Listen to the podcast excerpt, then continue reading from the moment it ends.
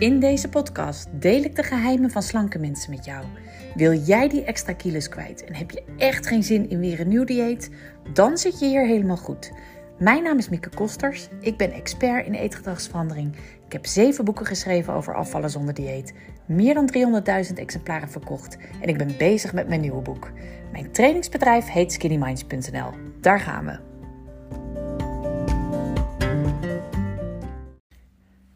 Ha, in de vorige podcast heb ik het gehad over triggers.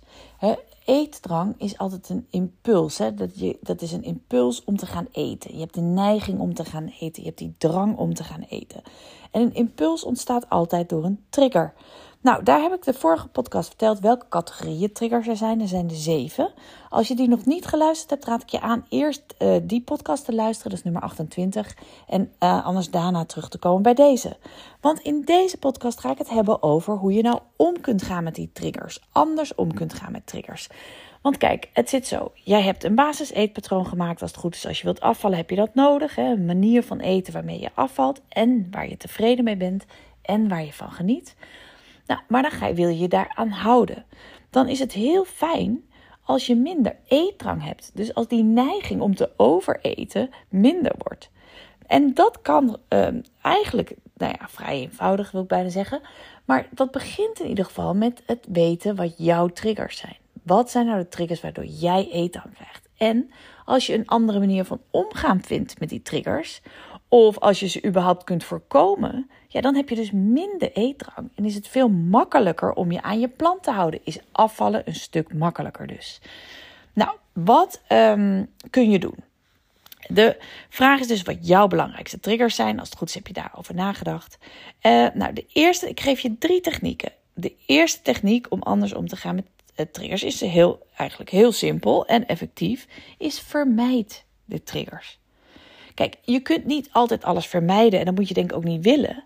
Maar een aantal triggers kun je vrij makkelijk vermijden. stel nou dat de bioscoop voor jou een hele belangrijke trigger is.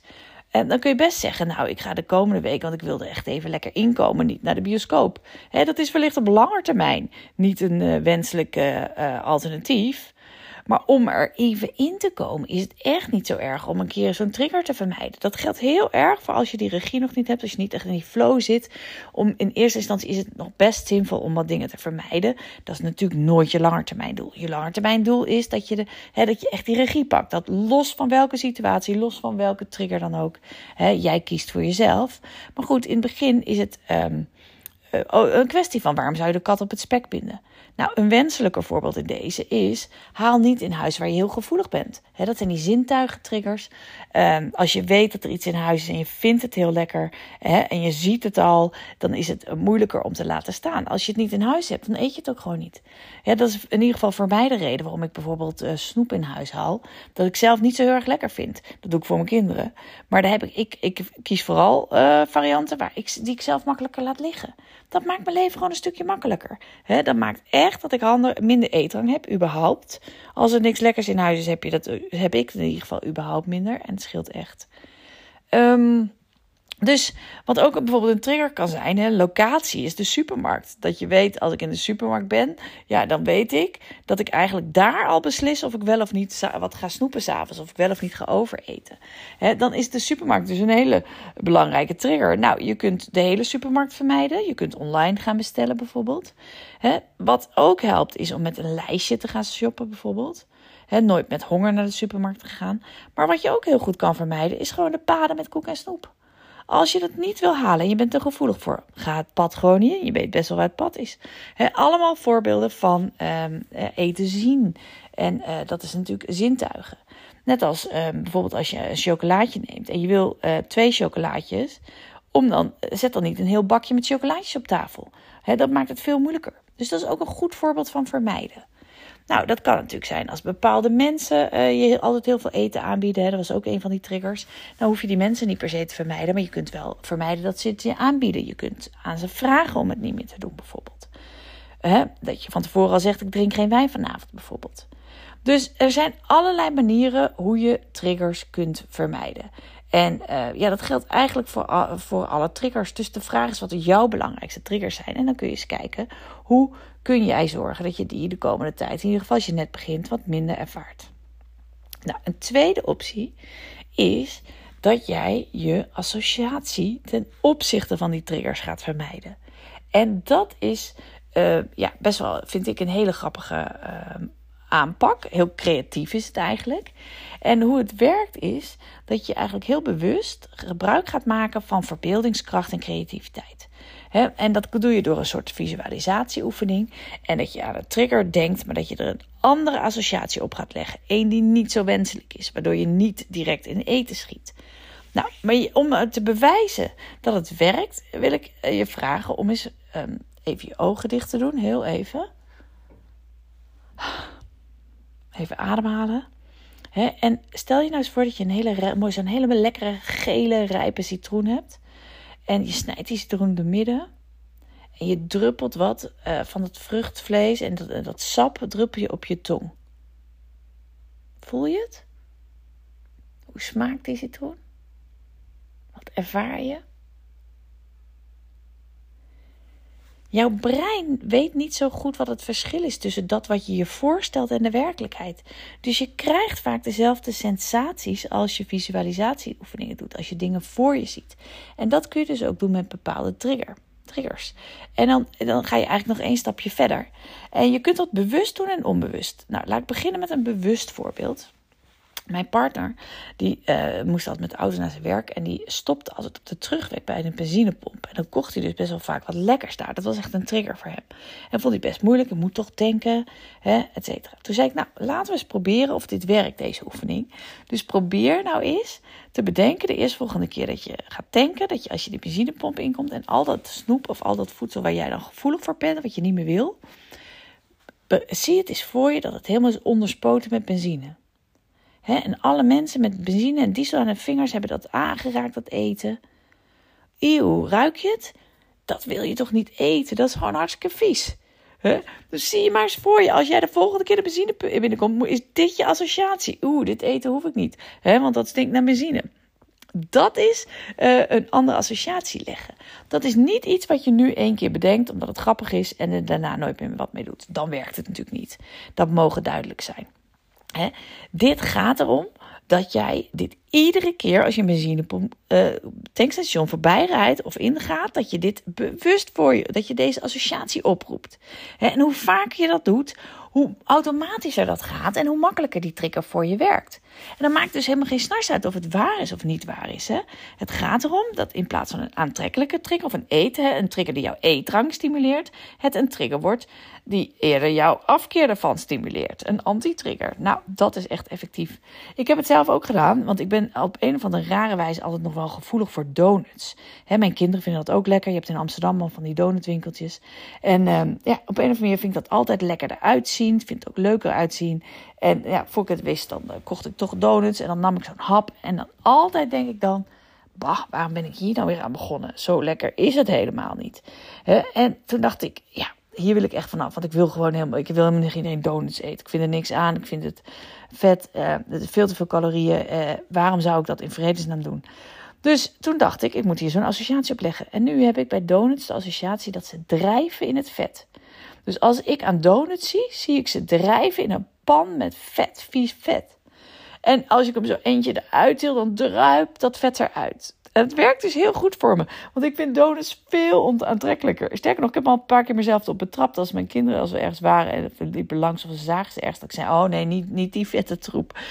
dus het, is, uh, het werkt voor mij heel goed.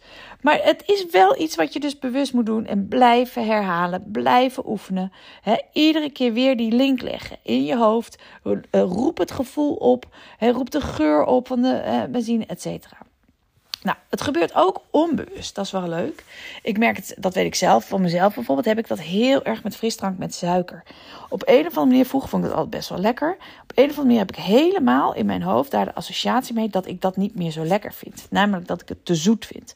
Dus als er geen, ik, hou wel van bijvoorbeeld van cola light, maar als dat er niet is, dan neem ik liever water. Of sparoot, maar ik neem eigenlijk nooit een andere soort frisdrank met suiker. Ook geen uh, meer. Dan denk ik van ja, vind ik zonde, vind ik, vind ik te zoet, vind ik niet zo lekker, hou ik niet zo van. Echt, dat idee ben ik volledig aan gewend. Dat is echt mijn nieuwe associatie ermee. Uh, nou, dat kan ook met gelegenheden. Hè. Als ik vroeger uh, een weekend wegging, dacht ik altijd: Oh, hè, we zijn nu een weekendje weg. Nou moeten we het ervan nemen. En dat was, ging dan gepaard met heel veel eten. En nu heb ik: Oh, we hebben een weekend weg. We hebben het super gezellig met elkaar. Maar dat heeft niks met eten te maken. Dus dat is ook een, het is een, een combinatie van een beetje associatie. Maar dan ja, die laatste voorbeeld is meer ook gedachten misschien. Die echte associaties gaat ook over geur oproepen, een beeld oproepen. als je beelddenker bent, heb je hier een groot voordeel. Maar het is echt op een andere manier naar zeker met bepaalde eetsoorten werkt het heel goed voor. Is het vrij makkelijk te doen. als er bepaalde dingen zijn die je eigenlijk niet meer wil. Maar het kan dus ook heel goed op gelegenheden. Het kan ook met emoties zelfs. Ik heb bijvoorbeeld. Uh, mijn vader is vorig jaar overleden. Daar was ik echt wel heel verdrietig van. En um, ik, ik, kan nog wel eens de neiging hebben als ik dan verdrietig ben om meer te gaan eten. En toen op een gegeven moment is mijn associatie erbij ontstaan. Dat als ik ga, e-, dat verdriet ga wegeten. Dan vertroebel ik eigenlijk dat verdriet. He, dan maak ik ja, smoetsig. Of in ieder geval dat is niet meer dan puur verdriet. Dat wordt helemaal vertroebeld door dat eten wat ik erin gooi, wat ik erop gooi. En dat wil ik helemaal niet, want dan ga ik ook balen. En ik heb veel liever uh, puur verdriet. En dat ik dan ook aan mooie dingen kan denken en leuke herinneringen heb. Weet je, op een andere manier. Dat voelt voor mij veel meer. Dus ik heb daar een soort associatie op gedaan van vertroebeling, die ik echt niet wil. Dus ook dat werkt. Dus dit kun jij ook doen. Zie, weet wat jouw belangrijkste triggers zijn en verander je associatie ermee. Ga er maar eens mee proberen. Ga het maar eens uitproberen. Nogmaals, niet eenmalig, hè, maar iedere keer als je in de situatie zit of iedere keer als het iets gebeurt, dezelfde associatie, hetzelfde ding. De laatste techniek is dat jij je trigger verpulvert. je gaat er doorheen. je gaat heel bewust met jezelf afspreken: ik ben sterker dan die trigger. je, je, je zoekt het op. Ik zeg wel eens: iedereen kent dat uh, experiment wel van Pavlov. Dat als uh, er kregen honden, uh, ging een bel, hij rinkelde een bel en dan kregen honden altijd eten. En op een gegeven moment was het zo dat alleen die bel maar rinkelde en die honden kregen al speeksel in hun mond. en ik zeg altijd: ja, mensen, het verschil tussen mensen en dieren, mensen kunnen er lange termijn consequenties overzien. die, worden, die kunnen zich bewust worden, die kunnen de baas worden over hun, impulsen. Je bent geen Pavlov-hond, zullen we maar zeggen. dus als jij die een trigger hebt die, die uh, dat speeksel in je mond doet, kan je nog steeds bedenken, maar wacht eens even, ik kan bewust keuzes maken. ik ben veel sterker dan ik denk. Ik ga dat bewijzen. dat is een soort buikpijnopdracht. En dat, ja, exposure noemen ze dat ook wel. Dus aan de, wat je heel moeilijk bent, als je weet van dit triggert mij. Maar als je heel erg op voorbereidt, dit gaat me triggeren. Maar weet je, ik ga hier doorheen, ik ga deze trigger verpulveren, dan kan je dat heel veel opleveren. Ik heb het zelf bijvoorbeeld ook gedaan met chocola. Ik zei altijd: één stukje chocola is geen chocola. En op een gegeven moment dacht ik: ja, maar dat is ook onzin. Die chocola is niet de baas over mij. Ik ben de baas over de chocola. Kom maar op met die chocola. Ik ga laten zien dat ik dat wel kan. Dat ik wel kan stoppen na twee stukjes chocola. Dus heel bewust eigenlijk die trigger verpulveren, er doorheen. En de grap is, als je dat doet, en ik heb dat gedaan dan krijg je uh, een nieuwe bewijzen. Je krijgt nieuwe ervaringen. He, je kunt inderdaad, uh, je bewijst inderdaad aan jezelf: hé, hey, wacht eens even, ik kan dit dus wel ik kan deze trigger wel, uh, wel weerstaan. Sterker nog, die trigger wordt alleen maar kleiner. Want als jij het vaker doet, hè, dan ga je twijfelen aan die kracht van die trigger. Dus die, die zakt eigenlijk weg.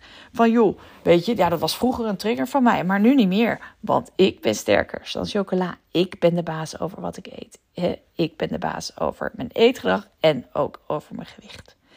Nou, al deze dingen kun jij uh, uitproberen bereid je erop voor. Jij weet wat je triggers zijn. Denk er eens over na. Wat heb je vandaag nog? Welke triggers kom je waarschijnlijk vandaag nog tegen? En hoe ga je ermee om? Kun je ze vermijden? Altijd doen. Vermijden is het allermakkelijkst. Dus dat is uh, prima. Als dat goed voor je werkt en dat past in je leven en dat past bij jou, zou ik zeggen vermijden. Uh, uh, een nieuwe associatie is echt een goede om uit te proberen. Is echt een goede om, om te blijven herhalen, om te doen. Dat levert je heel veel op op lange termijn. En verpulveren natuurlijk helemaal. En dat betekent je blootstellen, er doorheen gaan en echt aan jezelf bewijzen. Zie je wel, ik kan dit wel. Het was een onzin-trigger. Deze trigger zat vooral in mijn hoofd. Hè? En dat uh, doet hij nu, is nu niet meer zo. Nou, ik ben heel benieuwd welke techniek je gaat uitproberen. Wat je ervan vindt. Je kan het altijd mailen. Ik vind het altijd leuk om reacties te horen. Naar info.skinnyminds.nl En uh, nou, ik wens je veel succes vandaag. En kom erop, kom erop met die triggers. Hè. Jij kunt ze aan.